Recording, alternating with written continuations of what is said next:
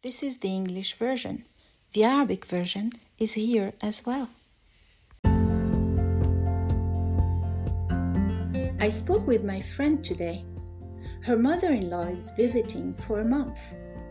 My friend feels very awkward as she hasn't been wearing her elegant clothes because she's working from home. She feels her mother in law probably thinks she's a slob. I drew her attention to the bright side. Who knows?